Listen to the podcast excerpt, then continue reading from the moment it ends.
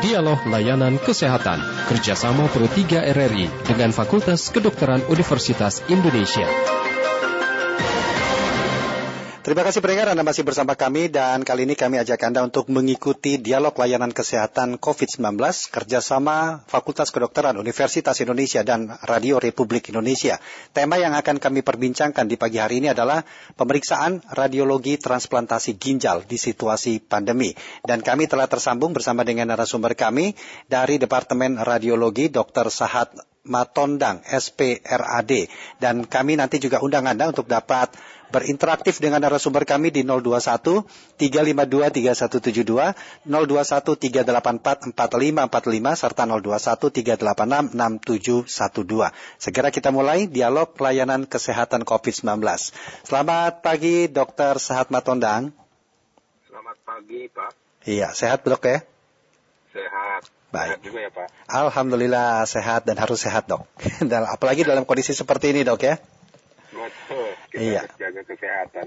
Iya, Lagi kita medis. Nah, betul. Baik, dokter tema kita tema kita adalah pemeriksaan radiologi transplantasi ginjal di situasi pandemi. Sebenarnya dok, hal atau bagi pasien apa saja yang boleh menggunakan pemeriksaan radiologi khususnya dalam kondisi COVID-19 ini? Baik, terima kasih. Jadi tentunya yang pertama kita harus menentukan apakah pasien itu terindikasi atau kontraindikasi terhadap transplantasi ginjal. Sehingga nanti kalau dia terindikasi baru kita masuk pada pemeriksaan-pemeriksaan yang harus dijalankan. Nah, indikasi dari transplantasi ginjal pada umumnya adalah pasien-pasien yang memiliki penyakit ginjal kronik tetapi pada kondisi stadium akhir ya. Dan kita juga harus punya informasi tentang hal-hal yang tidak boleh dilakukan transplant. Misalnya penyakit kardiovaskuler atau jantung yang berat atau pasien punya tumor gitu ya keganasan atau penyakit-penyakit yang tidak terkontrol dalam hal ini penyakit infeksi kronis seperti TBC. Bila kita sudah menyaring ya eh, indikasi dan kontraindikasi ini, baru kita masuk tuh pada pemeriksaan radiologi. Nah, tentunya pemeriksaan radiologi yang kita anjurkan ya pertama kali adalah pemeriksaan fototoraks atau CT scan toraks atau CT scan paru atau foto paru ya dengan konfirmasi pemeriksaan PCR karena ini zaman COVID ya Ya. pandemi. Jadi PCR harus kita cek pada pasien secara rutin dua kali sebelum transplant dinyatakan memang negatif terus Mhm. baru kita berani untuk melakukan operasi.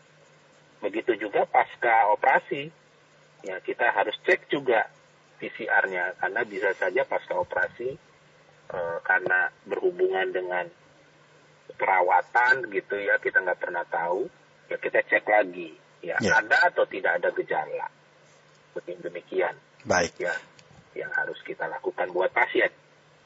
Buat tenaga medisnya juga sama, tidak terkecuali. Kita harus periksa secara rutin karena kita yang berhubungan dengan pasien yaitu adalah pemeriksaan PCR tadi. Memang kita yang tenaga medis tidak perlu memerlukan pemeriksaan fototoraks atau foto paru atau CT scan paru.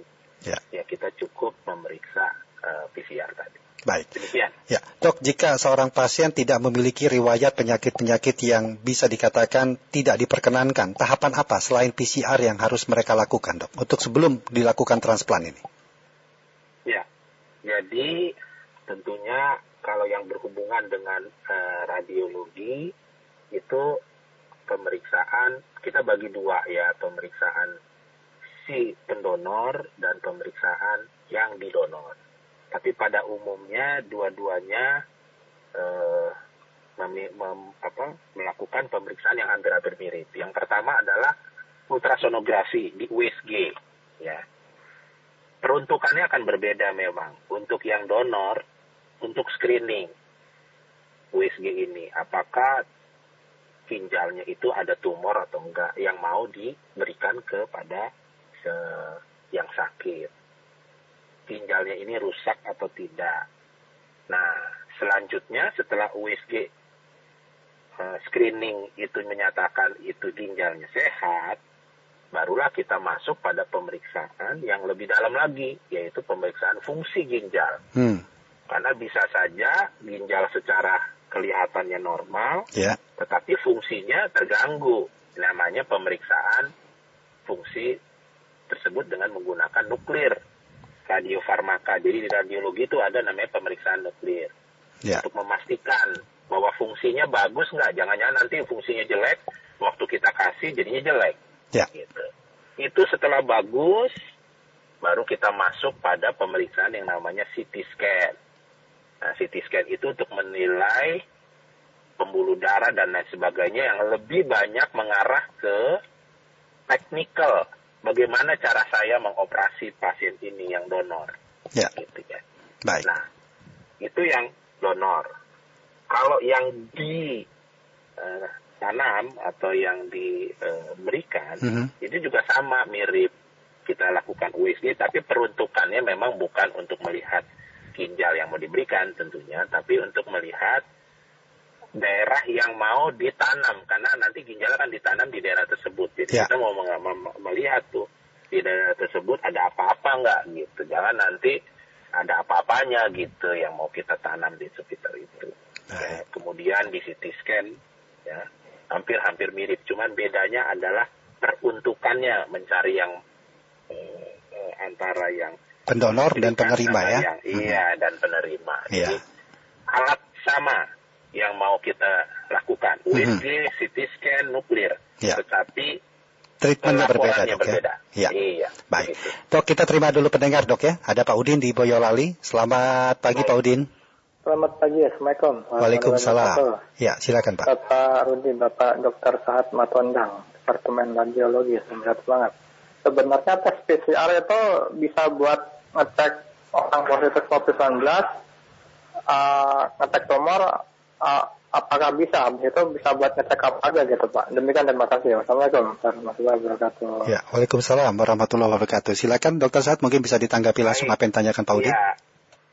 Jadi kan pertanyaannya tentang cek PCR itu sebenarnya ya. lebih ke arah untuk memastikan apakah penderita itu uh, terkena COVID-19 ini karena saat ini kan pandemi ya bukan untuk melihat uh, yang lain misalnya ada tumor dan lain sebagainya itu hanya sebagai screening jadi kita biasanya rutin melakukan screening pada waktu persiapan operasi baik itu pasien maupun kitanya sendiri, tenaga medis yang akan berhubungan dengan pasien. Jadi eh, kegunaannya lebih ke arah screening. Ya, kalau nanti hasilnya positif, ya kita tidak melakukan eh, tindakan transplant, kita tunda. Hmm. Ya, kita akan kirim kepada dokter penyakit dalam atau dokter paru atau siapa pun yang bertanggung jawab gitu dan setelah mereka mengatakan ini sudah layak untuk dilakukan transplant, ya kita masuk. Supaya intinya kedua belah pihak itu aman. Dasarnya itu sebenarnya itu. Ya, baik. Dok, kalau dalam kondisi normal, dampak yang diberikan terhadap radiologi itu apa terhadap manusia, dok? Dalam kondisi normal, dampak yang diberikan radiologi itu adalah uh, sinar uh, X gitu ya sinar X karena kita kan menggunakan uh, sinar X. Sinar X itu kayaknya kalau di bahasa awamnya radiasi. Radiasi itu punya dampak kalau berlebihan ya kalau tidak proporsional itu dampaknya malah bisa menimbulkan memicu untuk terjadinya kanker. Yeah. sehingga pada waktu kita mau melakukan pemeriksaan radiologi yang berhubungan dengan sinar X, harus betul-betul melihat cost and benefit, ya, supaya apa yang diberikan kepada pasien itu memang yang betul-betul diperlukan. Gitu. Memang tidak tidak bisa mengatakan bahwa kalau pasien difoto atau di CT scan pasti dia akan kena tumor enggak. Mhm. Tapi kita selalu berkatakan bahwa ini salah satu faktor resiko Mhm. Ya. secara uh, medis. Ya. Demikian. Tapi kalau bagi seseorang yang terpapar COVID-19, walaupun misalnya dok, itu tidak tidak memberikan dampak COVID yang besar, apa dampak yang akan terjadi? Oh tidak, tidak tidak ada dampaknya. Jadi kalau pasien malah kita bicara tentang diagnostik kalau dari radiologi. Ya. Misalnya pasien datang dengan sesak, ya kita foto, Hmm. kita pastikan ada nggak di parunya dan itu tidak akan memberikan dampak karena eh, apa namanya eh, pada saat itu kita eh, berbicara tentang melakukan diagnostik, melakukan Ya. eh, mel- melihatnya kira-kira ada nggak kelainan di parunya. Jadi Mhm. dampak dampak ke depannya bisa saja ada, bisa saja tidak karena Ya. sinar X itu kan radiasi itu. Tapi saat ini kan bicara tentang benefitnya Betul. bahwa kita memerlukan informasi bahwa kenapa nih dia datang dengan keluhan sesak. Ya, jadi itu sebagai penunjang dok ya, untuk memperkuat. Iya, baik. Perkuat. Ya, tadi kan dokter katakan bagi kasus transplant uh, akan sangat dibedakan treatmentnya bagi pendonor dan juga penerima. Itu kenapa dok? Treatment apa nih Pak maksudnya? Ya, untuk pendonor akan dilakukan pemeriksaan seperti ini tahapannya, bagi penerima juga tahapannya juga berbeda. Kenapa ke, ke- Oh, terjadi ya. perbedaan di sana dok? Ya baik, karena yang satu harus kita ambil ginjalnya, yang satu menerima ginjalnya. Jadi kita harus pastikan yang diambil ginjalnya, kalau nanti kita keluarkan ginjalnya, dia tetap aman. Hmm, ya, Jadi kita betul-betul harus memastikan ginjal yang tersisa itu bisa mampu untuk menunjang metabolisme yang ada di dalam tubuhnya. Sedangkan yang satu adalah kita berikan ginjal yang baru yang bukan eh, pada tempatnya dalam arti bukan kepunyaannya sehingga ada kemungkinan bisa saja rejeksi, rejeksi itu penolakan Mhm. yang nanti akan berakibat terhadap tubuhnya sendiri sehingga apa yang kita harus nilai adalah bagaimana ginjal tersebut bisa cocok gitu ke yang diberikan. Jadi yang satu meyakinkan bahwa dia bisa mampu hidup dalam satu ginjal yang sehat, yang satu bicara tentang kecocokan karena diberikan ginjal yang bukan ginjalnya dia gitu kan. Ya. Ya. Baik. Kita undang beda treatmentnya. Ya, kita undang lagi pendengar dok ya untuk dapat berinteraktif dengan dokter di pagi hari ini. Silakan pendengar hubungi kami di 021 352 3172 atau 021 384 4545 serta di 021 386 6712 sambil menunggu pendengar dok. Ap- artinya dok untuk di masa pandemi ini melakukan tindakan medis seperti transplantasi ginjal itu sudah cukup aman dok ya dengan metode yang tahapan yang sudah sesuai yang harus dianjurkan itu dilakukan. Ya, betul. Sudah cukup aman dan kita sudah melakukan beberapa kali. Ya, dan semua eh, hasilnya bagus gitu dan tidak ada eh, diagnosis COVID setelah dilakukan operasi. Jadi eh, eh, ya relatif bukan relatif. Ini saya berani mengatakan adalah tindakan yang aman dan tidak hanya di Indonesia sebenarnya di eh, luar negeri pun eh, tindakan transplantasi ginjal ini tetap bisa berjalan seperti eh, sedia apa seperti pada umumnya cuman ada tambahan-tambahan tadi secara spesial yaitu pemeriksaan PCR kemudian cara pemakaian APD-nya alat pelindung dirinya buat tenaga medis kemudian eh, settingan kamar operasinya yang membuat eh, kuman-kuman yang di situ bisa langsung dibuang keluar gitu. Jadi eh, ada tambahan-tambahan eh, perangkat yang bisa eh, membuat eh, kita eh, aman gitu, baik itu pasien maupun eh, dokternya. Ya. Untuk saat ini dok di Indonesia apakah sudah cukup merata bagi masyarakat untuk bisa melakukan pemeriksaan radiologi di setiap daerah? Ya, eh, sudah, sudah. Cuman masalahnya bukan soal pemeriksaan radiologinya yang merata, tetapi timnya apakah mampu untuk menunjang. Karena transplant ini bicara tim. Dokternya, dokter bedahnya harus uh, khusus. Mm-hmm. Uh, dokter penyakit dalam atau dokter ginjalnya harus khusus. Ya. Jadi kalau suatu rumah sakit punya alat radiologi yang bisa melakukan persiapan transplantasi ginjal, tapi dokter bedahnya nggak ada, dokter biusnya juga yang khusus transplant nggak ada, yang nggak bisa juga dikerjakan.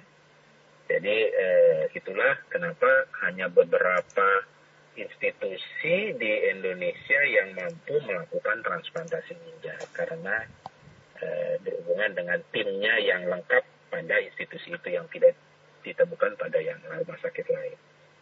Ya, ada yang bisa dokter sampaikan untuk pendengar Pro 3 RRI terkait dengan tema kita pada pagi hari ini, dok? Silakan.